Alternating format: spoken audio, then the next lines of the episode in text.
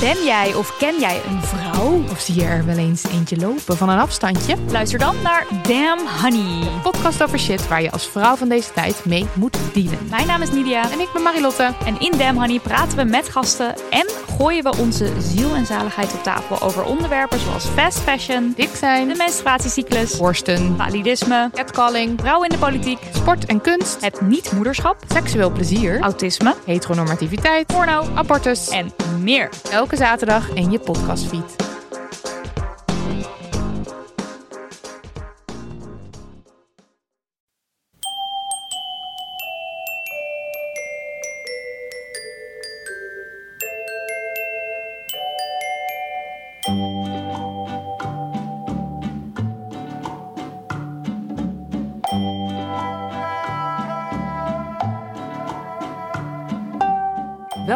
Aflevering 98 van de Echt Gebeurd podcast, waar waargebeurde verhalen worden verteld door mensen die ze zelf hebben meegemaakt. Ook laten we soms iemand horen die voorleest uit zijn of haar puberdagboek. Zo ook deze keer het puberdagboek van Rinke Verkerk.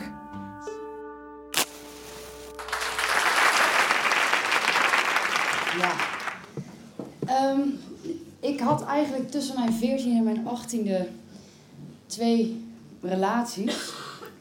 Eentje was met mijn tienervriendje, die heette Stefan. En de andere was met God. En ik schreef God brieven over Stefan. En ehm, die heb ik meegenomen. Ze zijn heel lang, dus ik, ik lees delen. Maar het begint bij toen ik 14 was en dat was in 2005. Heer, Vader, Schepper, Verlosser, Koning en enige God. Ik ben eerlijk tegen mezelf geweest, weet ik voor 99% zeker. En ik vind Stefan niet meer leuk. Wel leuk, maar ik ben niet meer verliefd. Sinds hij dat weet, kan ik het weer supergoed met hem vinden en zo. Maar ik denk nog wel vaak aan hem en ik vind het belangrijk hoe ik overkom en hoe ik praat, et cetera. En ik ben ook bang dat we nu een vriendschap ontwikkelen die zo wordt dat er dan van een relatie geen sprake meer is. Ik werd 15. Mijn Heer en God. Weet u, er zijn zoveel momenten, gedachten, vragen, twijfels en indrukken in me nu. Drie keer waarover? Steef, of course. Weet u, ik ga het even allemaal neerzetten. Ik hoop dat ik deze vakantie nog wat met Stefan kon gaan doen. En daar heb ik ook voor gebeden. Steve was maandag tot en met woensdag bij zijn oma, dus ik hoopte echt onwijs dat het donderdag zou lukken. Alleen één grote vraag. Hoe gingen we dat ever regelen? En dat Stefan wel zin. Woensdag was hij nogal down, want zijn oma gaat best hard achteruit. Dus ik ben er niet over begonnen. Wees trouwens bij zijn oma vader, want zij gelooft niet in u. Dus, eh en, laatst, en dus laatstavond wilde ik Stefan nog wel bellen met papa's telefoon. Dus ik zei tegen u, als het goed is dat ik bel, geef dan dat ik papa's telefoon makkelijk kan pikken. Ik kon hem niet vinden. Alleen pas toen hij naar bed ging. Maar dat was eigenlijk niet precies wat ik gevraagd had. Dus ik zei, ik zal sms'en en als ik niks terugkrijg, weet ik genoeg. Ik kreeg niks terug. Ik baalde onwijs. Later keek ik nog op mijn mail, was er een van Stefan. Sorry, dat is een dit is een beetje egoïstisch, maar ik ben heel moe en ik ga slapen. Stel dat ik hem wakker gebeld had. Dank u, heer. Het volgende. Ik wilde het dus morgens op MSN regelen. Was Steve niet online? Ik baalde weer. Maar hoor ik even later dat we naar Snowworld gingen en dat mama al van alles aan het regelen was voor ons. En ik wist gewoon dat ik voor mijn familie moest kiezen. Dus stel u voor dat ik al wat geregeld had. Het zou onwijs rot geweest zijn. Dank u, heer. Soms loopt iets totaal niet hoe ik het wil. Maar uw wijsheid is volmaakt. En Stefan zei trouwens dat hij ook gewoon van zijn jeugd wil genieten. En dat hij dus niet overal God bij wil hebben. Geef me daar wijsheid over. Op mijn 15 had ik een bijzondere ervaring. Lieve God, ik keek naar buiten met mijn raam open en een vliegtuig vloog over. Het geluid was indrukwekkend en ik werd vervuld met een groot en diep verlangen naar uw wederkomst.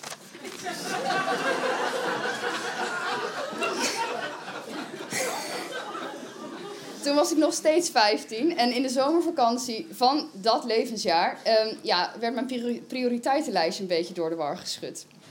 Lieve vader, ik moet echt weer even alles opschrijven, want ik word helemaal gek. En ik zit mezelf gigantisch nijdig te maken, dus het moet eruit. Ik ben zo kwaad op Stefan. U weet dat voor de laatste vakantie alles best goed ging. Maar op vakantie miste ik Stefan alleen helemaal niet. En Stijn was gewoon superleuk. Maar ik had Stefan beloofd niet te zoenen of zo, dus dat heb ik ook niet gedaan. Zij het met moeite. Toen ik Stijn zo ongeveer bijna helemaal leuk vond, belde Stefan. Hij had een brief van zes kantjes gestuurd en iets leuks voor mij gekocht. Nou, dat vond ik wel heel leuk, dus ik twijfelde weer. Toch weet ik zeker dat ik Stefan niet leuk vond en Stijn wel. Vandaag kwam ik thuis. Echt super nieuwsgierig naar die brief. Maar dat werd echt een goede klap. U weet wat erin staat, heer.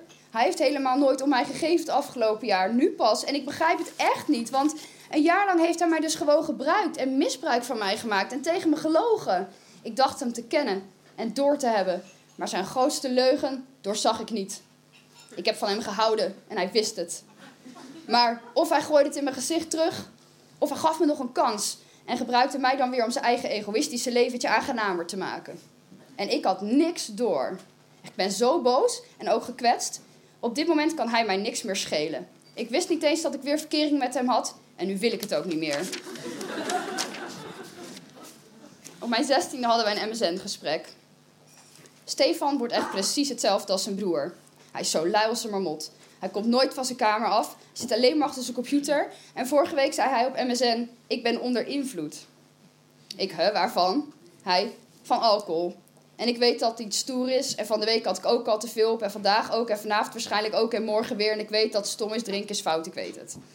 Ik, ja, ik vind het ook dom om zoveel te drinken. Maar als je er nu zo kloot over voelt, moet je het gewoon minder doen. Stefan, ja, oké.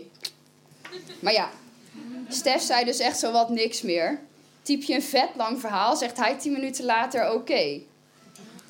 Ik uh, wil je wel zien, maar ik heb geen zin om naar de pont te fietsen, dus laat maar. Hij zei, ik wil je mailen, maar ik heb geen zin, dus laat maar. Echt, ik werd er gek van. Dus ik kreeg zoiets van, ja, uh, stik er maar in. Dus ik heb ook niet meer gepraat. En hij ook niet. Lekker gezellig, not. Maar ja, ik vond het wel kloten.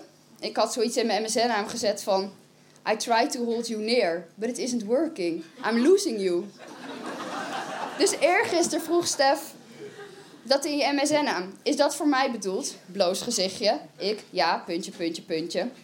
Hij dus van ja, ik snap het. Het komt alleen van jouw kant. Ik doe er echt niks aan. Ik ben echt een klootzak en ik ben te lui. Dus ik zo, nou ja, je bent geen klootzak, maar je bent wel veel te lui, ja. En uh, van één kant werkt het echt niet. Zelfs vriendschap werkt niet van één kant. Maar ik moest van MSN, dus ik zei dat ik hem zou bellen. Dus hij aan de telefoon van, gaat niet zo lekker, hè? Ik zo, nee, niet echt, hè? Hij zo, ja, ik had eigenlijk niks door tot ik je MSN-naam zag. Ik, oh. Dus jij zit nu ergens over te praten en eigenlijk denk je, het zal wel. Hij, ja, eigenlijk wel. Nou, dan is er dus geen probleem, zei ik. Hij, nee, eigenlijk niet. Maar ik snap hem niet, heer. Hij wist precies wat hij fout deed en het interesseerde me echt niks. Dus ik was ook super kortaf tegen hem. Hij zei, ja, ik ben onwijs veranderd. Ik kan het alleen met Robin nog vinden en de rest van mijn vrienden kan van mij part doodvallen. Dus ik, nou, bedankt. Hij, nee, jij niet. Weet je, het zal wel. Hij heeft echt precies hetzelfde kant op als zijn broer. En ooit komt hij er wel achter, als hij in de problemen komt, dat hij niet scheid aan de wereld heeft, maar dat de hele wereld scheid aan hem heeft. En dat is echt geen leuke ontdekking. Gisteren was zijn MSN-naam Your past is not my future. I know it's my fault. Please leave me alone. Nou, dat lijkt me duidelijk. Toen werd ik 17. Dit is in 2007, in augustus. Ik heb een hekel aan romantische boeken. Altijd zijn daar personen die, al hebben ze het zelf natuurlijk niet door, zoveel aan andere mensen geven wat ze nodig hebben. Ze hebben geduld, ze vechten tegen onrecht. En natuurlijk werken de personen die ze willen helpen niet direct mee en zijn er wat tegenslagen, maar de liefde is onoverwinnelijk. En dan hebben sommigen weer de gave om Gods stem te verstaan. Zo perfect. Het maakt eigenlijk alleen maar dat de realiteit onvolkomen lijkt. En dat is hij ook, maar moeten ze het er allemaal zo invrijven? Met Stefan is het hopelijk over nu. Het zou weer aangaan. En hij was erg gek op mij en hij droeg mij op handen, maar hij is weer eens gevoel en emotieloos. En niks van mij raakt hem. Hij zit in een soort depressie, denk ik. En hij is weer helemaal op zichzelf gericht. Een weekend geleden was het nog helemaal bijzonder met mij, maar nu laat ik hem weer koud. Ik heb hem gebeld en zegt dat hij niet iemand is waar ik op kan rekenen. En dat hij me niet het ene moment als een vriendinnetje kan behandelen en daarna als een irritante belasting. Misschien heeft hij mijn hulp en liefde nodig. En moet ik er nu voor hem zijn en incasseren. Maar het gaat steeds hetzelfde. In zijn korte periode van verliefdheid ben ik de koningin. En daarna moet ik kruipen voor wat gevoel. Ik hoef helemaal niet iemand die alles van me goedkeurt en toejuicht en die nooit boos is of ruzie maakt. Ik wil alleen op iemands liefde en gevoel kunnen rekenen. Ik heb gesmest. Dat ik baal dat ik er weer intrap. En dat hij me nu nooit meer verliefd moet maken. En nu heeft papa mijn telefoon voor drie dagen afgepakt. Dat maakt me gek. Maar ja, waarom eigenlijk? Want waarom zou ik willen dat hij me wanhopige en verdrietige sms'jes gaat sturen? Het zou me een goed en voldaan gevoel geven. Maar ja, dan zou hij over onbepaalde tijd toch weer terugvallen en het levert mij dus niks op. Het beste zou zijn dat hij me met rust laat en ik hem eindelijk kan vergeten. Toen werd ik 18 en ik schreef dit op mijn tweede dag officieel uit huis. Lieve Vader en Jezus, dank u voor deze dag. Het was een gekke dag. Ik wil erover schrijven. Mama heeft mij vrijdag mijn eerste plakboek en schoentjes cadeau gedaan. Ik had ook nog heel lang met haar gekletst. En toen we mijn plakboek doorbladerden, kwam heel sterk op me af dat ik tot nu toe een prachtig leven heb gehad. Thuis was het veilig en mijn familie was veilig en ik voel dat ook echt zo. Dank u dat ik deze ouders heb. En dank u voor wie ik was en wie ik geworden ben. Zaterdag was ik met papa klussen in dit nieuwe huis. Ik vond het naar dat hij ging, want ik bleef echt hier, zonder mijn thuis van altijd. Het woord om mijn gevoelens samen te vatten is weemoed. Want het is eng om vooruit te gaan en steeds meer los te worden en een eigen leven te krijgen. En ik miste vandaag ook de veiligheid van Stefan. Op mijn geboortekaartje staat: Jij weet nog niet wat leven is, wat liefde en wat gemis, maar hij is bij jou waar je ook bent, omdat hij jou bij name kent. Ik mag nu dus groot worden.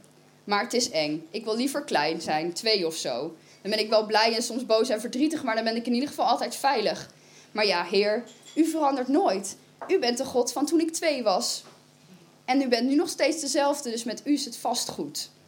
Ik hoef nooit eenzaam te zijn. Ook als ik mij niet gewenst of gewild voel. Maar vanavond was het dus wel echt super gezellig om te kletsen met mijn nieuwe huisgenootje Iris. Zij is echt super leuk, dus ja. Op mijn 18e, op uh, 12 mei 2008, nam ik een besluit. Lieve vader. Ik, uh, oh ja, lieve vader. Twee weken geleden was ik op een festival.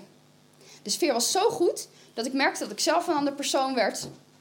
Ik was helemaal niet bezig met mijn ego of bezitterig en ik veroordeelde mensen nagenoeg niet. In die tijd voelde ik dat mijn hart echt open stond voor andere mensen en hun verhalen. En ik miste Stefan totaal niet. Spreken met hem was juist vaak een domper op mijn dag.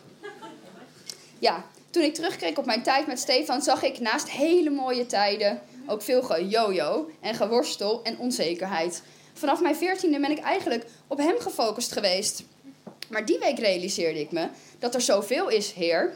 U heeft zoveel prachtige mensen gemaakt en er zijn zoveel mooie dingen al in dit leven. Ja, ik voelde die week leven. Dus gisteren heb ik besloten om definitief ieder contact met Stefan te verbreken. Want Heer, ik denk en vrees dat Stefan niet echt de juiste persoon is voor mij. Qua sfeer en hart kunnen wij elkaar niet altijd raken.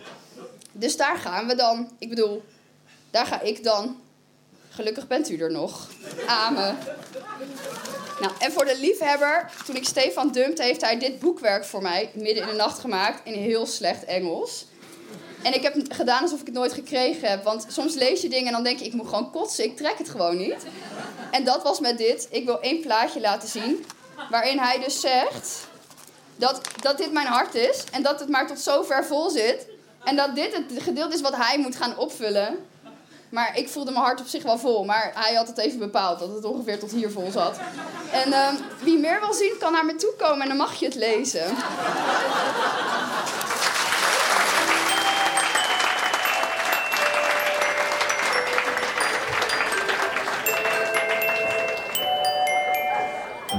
Dat was het puberdagboek van Rinke Verkerk. De Echt Gebeurd podcast wordt maandelijks opgenomen in Toemler onder het Hilton Hotel in Amsterdam. Als je nou ook een puberdagboek hebt, kom dat dan eens een keer voorlezen. A toe. Een verhaal vertellen mag ook. Ervaring is niet nodig. Je aanmelden wel via www.echtgebeurd.net. De redactie van Echt Gebeurd bestaat uit Micha Wertheim, Eva Maria Staal en mijzelf, Paulien Cornelissen. Rosa van Toledo doet de productie en de techniek is in handen van Nicolaas Vrijman.